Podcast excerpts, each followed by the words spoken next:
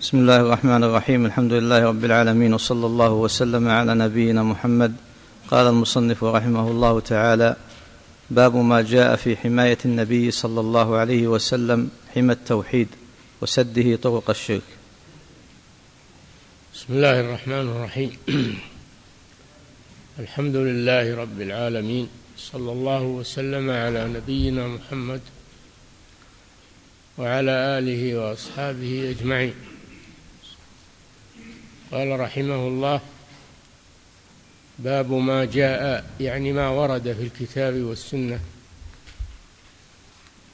من حماية المصطفى وهو محمد صلى الله عليه وسلم والمصطفى معناه المختار لأن الله اختاره من الخلق لحمل رسالته. حماية المصطفى صلى الله عليه وسلم حمى التوحيد. الحمى هو ما حول الشيء وما يقرب منه.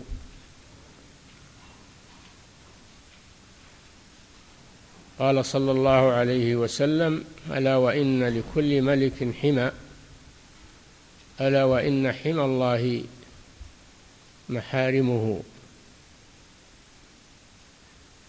وقبله من اتقى الشبهات فقد استبرأ لدينه وعرضه.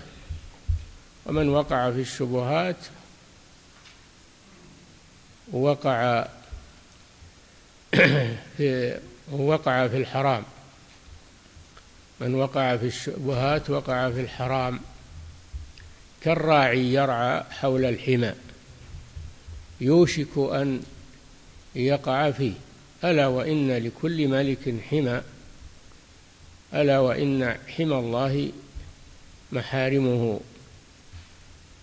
وكل ما حرم الله من الأقوال والأفعال فإنه حمى للتوحيد. أن يتطرق إليه شرك أو يتطرق إليه ما ينافيه أو ينقصه ما ينافيه يعني ما يبطله كالشرك الأكبر أو ينقصه كالشرك الأصغر في الأقوال والأفعال والنيات والمقاصد. هذا هو حمى التوحيد ما حول التوحيد. وهذا الكتاب كتاب التوحيد الذي ألفه شيخ الإسلام محمد بن عبد الوهاب رحمه الله الذي من جملته هذا الباب. كله في هذا الشيء كله في حمى حمى التوحيد من أوله إلى آخره. وسد الوسائل المفضية إليه المفضية إلى الشرك. الطرق الوسائل معناها الطرق. وقاعدة سد الذرائع قاعدة معروفة مجمع عليها عند أهل العلم. وهي الطرق التي تؤدي إلى الحرام أو إلى الشرك هذه مسدودة. لا يجوز لأحد أن يغشاها حماية للعقيدة. العقيدة هي أغلى شيء. إذا فسدت فلا خير في الدنيا ولا في الحياة. هي رأس المال هي أساس الأعمال. يجب على المسلم أن يعرفها ويتعلمها ويعرف ما يخل بها. ما يكفي أنه يعرفها بل لا بد أن يعرف ما يخل بها من أجل أن يتجنبه. هذا هو المقصود من هذا الباب. لما بين التوحيد في أول الكتاب إلى هذا الموضع بين أن هذا التوحيد له حمى حوله يتجنب ولا يوقع فيه. نعم. عن عبد الله بن الشخير رضي الله عنه قال انطلقت في وفد بني عامر إلى رسول الله صلى الله عليه وسلم فقلنا أنت سيدنا. فقال السيد الله تبارك وتعالى قلنا وأفضلنا فضلا وأعظمنا طولا. فقال قولوا بقولكم أو بعض قولكم ولا يستجرينكم الشيطان. رواه أبو داود بسند جيد. نعم وفد بني عامر قبيلة من العرب وفيهم عبد الله بن الشخير الراوي لهذا الحديث. جاءوا إلى الرسول صلى الله عليه وسلم من جملة الوهود التي جاءت تبايعه على الإسلام بعد فتح مكة. إذا جاء نصر الله والفتح ورأيت الناس يدخلون في دين الله أفواجا. لما فتح الله مكة على يد رسوله صلى الله عليه وسلم فإن قبائل العرب جاءت إلى الرسول صلى الله عليه وسلم تبايعه على الإسلام. في آخر حياته صلى الله عليه وسلم. ومن جملتهم وفد بني عامر. لما قدموا على الرسول صلى الله عليه وسلم وقابلوه مدحوه. مدحوه. فقالوا أنت سيدنا وابن سيدنا. نعم هو سيد عليه الصلاة والسلام. هو سيد بني آدم. قال صلى الله عليه وسلم أنا سيد ولد آدم ولا فخر. فهو سيد لكنه خشي عليهم من الزيادة. خشي عليهم من الزيادة والإطراء مما يخل بالتوحيد. فنهاهم عن ذلك وقال السيد الله. والسيد معناه المالك والمدبر. وهذا إنما يصدق على الله جل وعلا فهو مالك الملك مالك العباد مدبر الكون. هذا هو السيد في الإطلاق.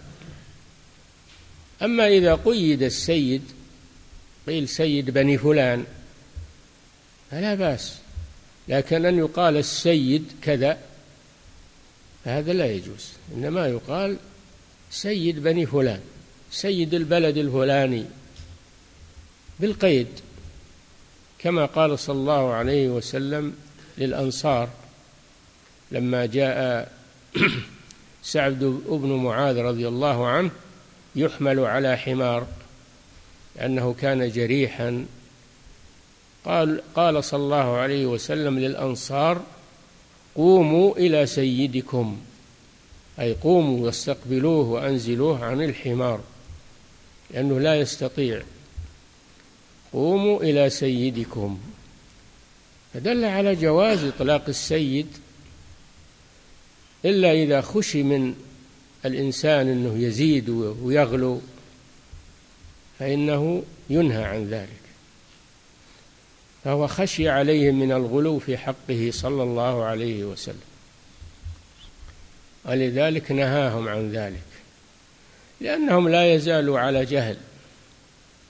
يخشى عليهم من الغلو في حقه صلى الله عليه وسلم.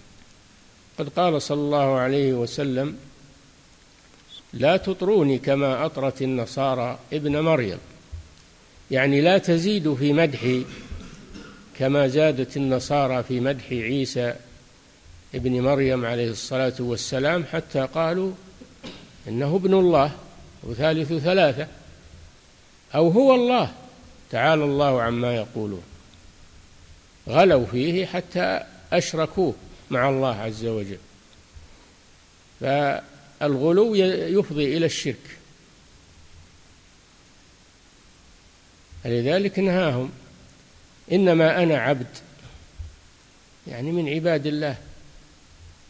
ليس له من الأمر شيء إنما هو عبد من عباد الله. إنما أنا عبد الله ورسوله. هذه صفاته صلى الله عليه وسلم أنه عبد الله ورسوله. وهذا شرف العبودية لله شرف. أعظم شرف هو عبودية الله جل وعلا. والعبد لا يشارك السيد ولا يشارك الرب إنما هو عبد مملوك مدبر. إنما أنا عبد وليس عبدا فقط كلنا عباد الله لكن هو عبد ورسول رسول من الله إلى البشرية يبلغ رسالة ربه. فهذا مقامه صلى الله عليه وسلم أنه عبد الله ورسوله. عبد الله هذا منع للغلو والزيادة في مدحه ورسوله هذا منع للجفاء لأن فيه من ينكر رسالة الرسول صلى الله عليه وسلم ولا يقر بها. فهذا رد على الطائفتين على الغلاة وعلى الجفاة. غلاة الذين يزيدون في حقه صلى الله عليه وسلم ويرفعوه ويرفعونه فوق منزلته. وفيه رد على الجفاة الذين يقصرون في حق الرسول صلى الله عليه وسلم. ويجحدون رسالته. أنا عبد الله ورسوله. إنما أنا عبد فقولوا عبد الله ورسوله. لا تزيدوا على هذا ولا تنقصوا منه. زياده غلو والنقص جفاء. هذا هو الاعتدال وهو الطريق الصحيح. إنما أنا عبد إنما أنا عبد الله ورسوله. فهذا من سد طرق الشرك. سد طرق الشرك التي تفضي إليه. لما خشي عليهم من الغلو منعهم ان يقولوا هذه الكلمة التي معناها صحيح لكن يخشى عليهم أن يزيدوا. فمنعهم من ذلك؟ فقال السيد الله الله جل وعلا هو كما قال جل وعلا قل هو الله أحد الله الصمد. والصمد هو الذي تصمد إليه الخلائق في حوائجها وتخضع له وتطلب منه حوائجها. هذا هو الصمد تصمد الخلق. الصمود هو القصد الذي يقصد هو الله جل وعلا ويدعى وتطلب منه الحوائج. هذا هو الله هو الصمد.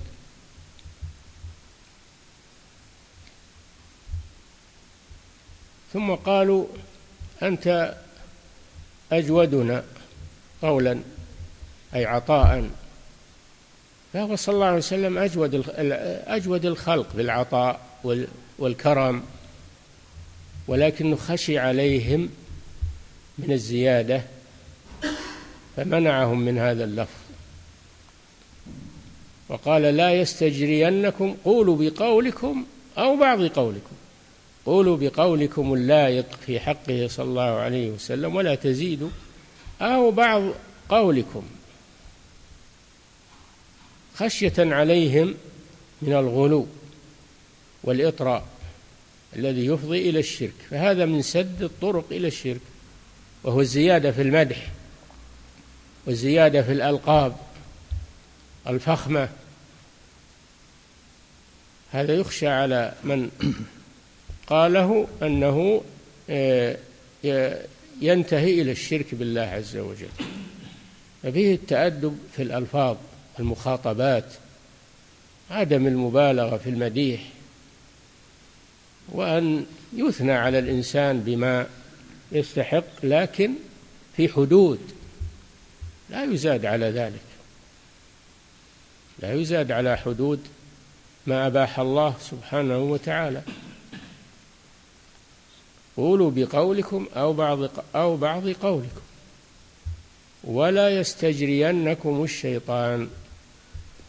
لا تكونوا رسلا للشيطان. الجري هو الرسول. لا تكونوا رسلا للشيطان في نشر الشرك والبدع. احفظوا أنفسكم واحفظوا ألسنتكم وسددوا أقوالكم وأفعالكم على ما يكمل التوحيد ولا ينقصه. هذا هذا الحديث شاهد للباب. حماية المصطفى حمى التوحيد وسده كل طريق يؤدي إلى الشرك. عليه الصلاة والسلام. نعم.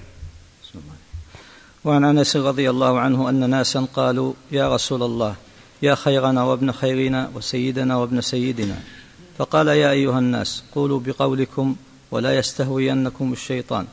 أنا محمد عبد الله ورسوله.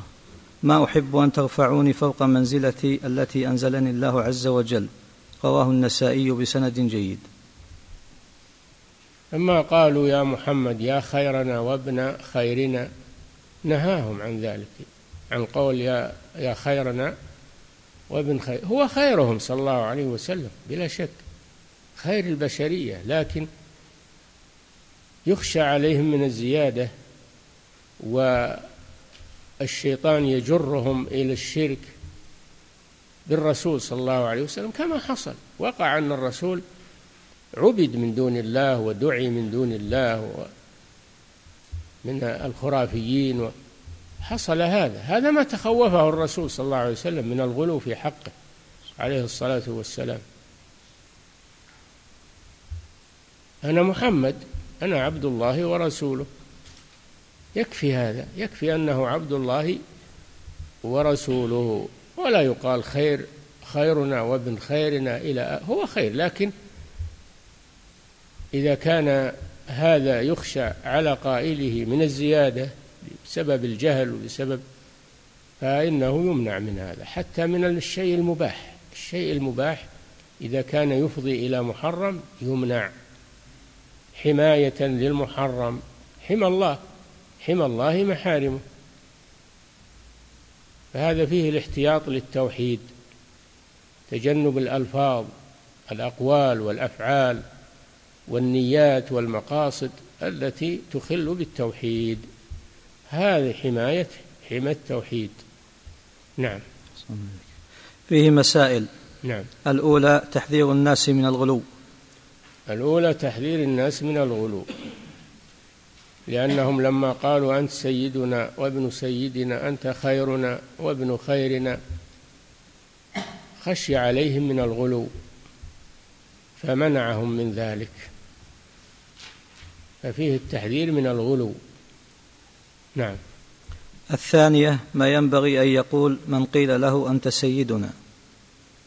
من قيل له أنت سيدنا فإنه يمنع هذا ويقول السيد الله. يقول السيد الله هو مالك الملك وهو المدبر للكون وهو السيد المطلق الذي لا شريك له في سؤدده. نعم. الثالثة قوله لا يستجرينكم الشيطان مع أنهم لم يقولوا إلا الحق.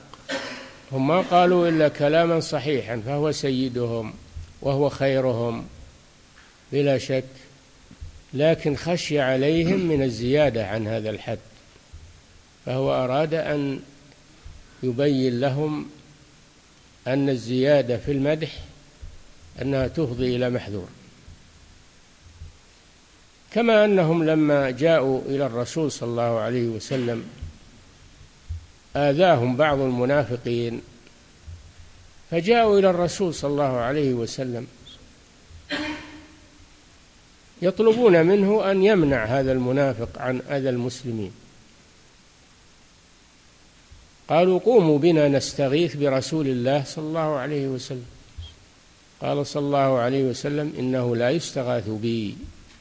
وإنما يستغاث بالله. اللفظة هذه خشي عليهم فيها من الغلو. مع أن الاستغاثة بالمخلوق فيما يقدر عليه لا بأس. استغاثه الذي من شيعته على الذي من عدوه.